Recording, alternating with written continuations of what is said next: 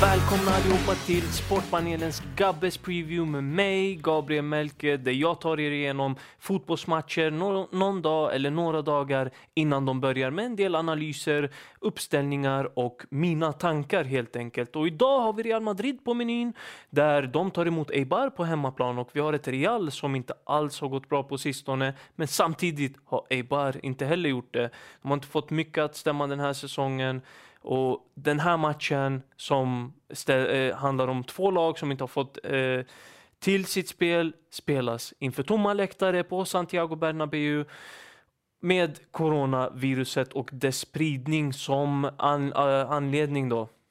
Och vi kan väl gå in på Real som är hemmalag i den här matchen och kika på vad det är som inte har stämt för dem på sistone. Och, eller vad det är. Det som inte har stämt är ju resultaten i första hand. Och det, det, det, det första man kan eh, konstatera är att man har en enda seger på de senaste fem som visserligen var i El Clasico mot Barcelona och det är ju inte vilken seger som helst utan det är en seger att ta med sig, att lyfta upp och benämna som en eh, ja, men viktig komponent och en betydelsefull faktor hos Real Madrid att man kan göra fina prestationer i de stora matcherna också. Men annars har det inte sett jättebra.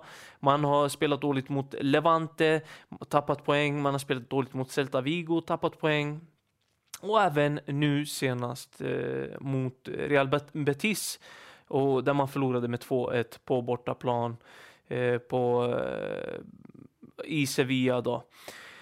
Eh, annars har man inte gjort det jättebra i Champions League heller. Där har man 2-1 tillbaka mot City inför returmötet. Så det, det, det som inte har stämt är att man försvaret som man verkligen hade fått till för några matcher sedan eh, och, och hållit en defensiv som man verkligen kunde skryta med. Den som bortblåst och kollektivet jobbar. Det, det, känns som att Real Madrid är ett lag som inte jobbar för varandra utan det har blivit lite mycket individuellt och individualism i det hela. Samtidigt har vi en Zidane som tar konstiga beslut i eh, bara formationerna för att ta ett exempel. Formationer och laguttagningar.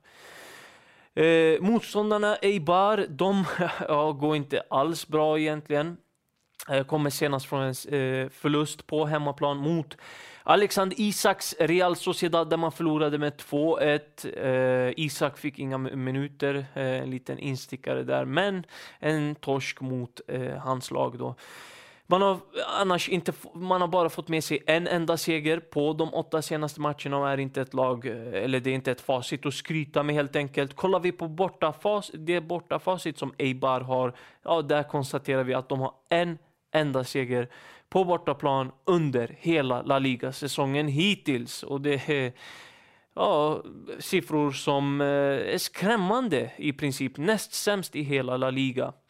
Real Madrid kommer till spel utan Eden Hazard som är skadad och operera, opererad. Då. Eh, han är på väg tillbaka och sköter sin rehab. Kommer ta ett tag, men eh, killen kämpar på. Stackaren har åkt på en del motgångar under den här säsongen. Eh, Asensio eh, likaså på väg tillbaka, eh, rehabar och har sig för fullt. Annars så är det svårt att förutse hur Zidane kommer ställa upp här. Han eh, har ju en, ett stundande eh, möte i Champions League mot City också. Eh, en match att ha i åtanke för honom. Eh, och det är ju jättesvårt att förutse hur Zidane tänker. Han, det känns som att han kan byta ut en hel startelva och från match till match helt enkelt. Och Svårt att förutspå, men jag tror på att eh, Zidane har in, någonstans insett att han måste starta starkt i La Liga om han vill haka på i toppen och slåss med Barcelona om den där åtråvärda ligatiteln. I eh, Eibar, gästerna, där saknas Bijas, mittbacken som eh, är ordinarie i laget och en av pelarna där bak.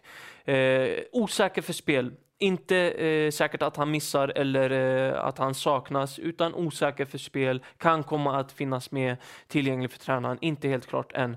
Annars ett Eibar som inte är eh, jättevast på alla eh, lagdelar och positioner, men i offensiven där har man en Inui, japanen och Oriana som kan eh, avgöra matcher på egen hand. Oriana har stått för sju, sju mål den här säsongen och kan skapa huvud, huvudbry för Real Madrid blir en intressant kamp i matchen där mellan eh, Eibars offensiv Oriana och Inui i synnerhet då mot eh, Real Madrids på sistone virriga försvar.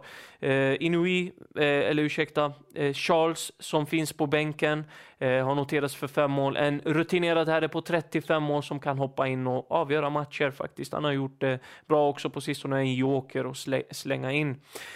Eh, men jag tror att Real Madrid eh, blir ett nummer för stort trots formen. Eibars dåliga form och eh, kvalitetsbristen blir avgörande här och Real Madrid får med sig en trepoängare och jag tror att det blir lite av en islossning här inför City. Man får med sig lite av en stor seger och det blir lite, ett litet målkalas här i den här matchen och kanske från Reals sida, det återstår att se. Men jag tror på den raka segern till Real Madrid och över 2,5 mål i matchen. Vill du spendera en liten slant på det här så finns det spelet hos William Hill till 1,64 gånger pengarna. Missa inte det, ett klockrent spel. Släng gärna på en liten slant och testa lyckan. Varför inte? Kommentera här nedan och skriv vad du tycker om min analys och vad du tycker om eh, Zidans val på sistone. Vad, hur du tror och hoppas på att Zidane väljer att ställa upp i den här matchen. Och vad, vad, vad blir Eibars största hot här? Och vad du tror om resultatet. Det uppskattas alltid och jag tackar för att ni har varit med oss ännu en gång och jag hoppas att ni är med oss nästa gång. Ha det bäst!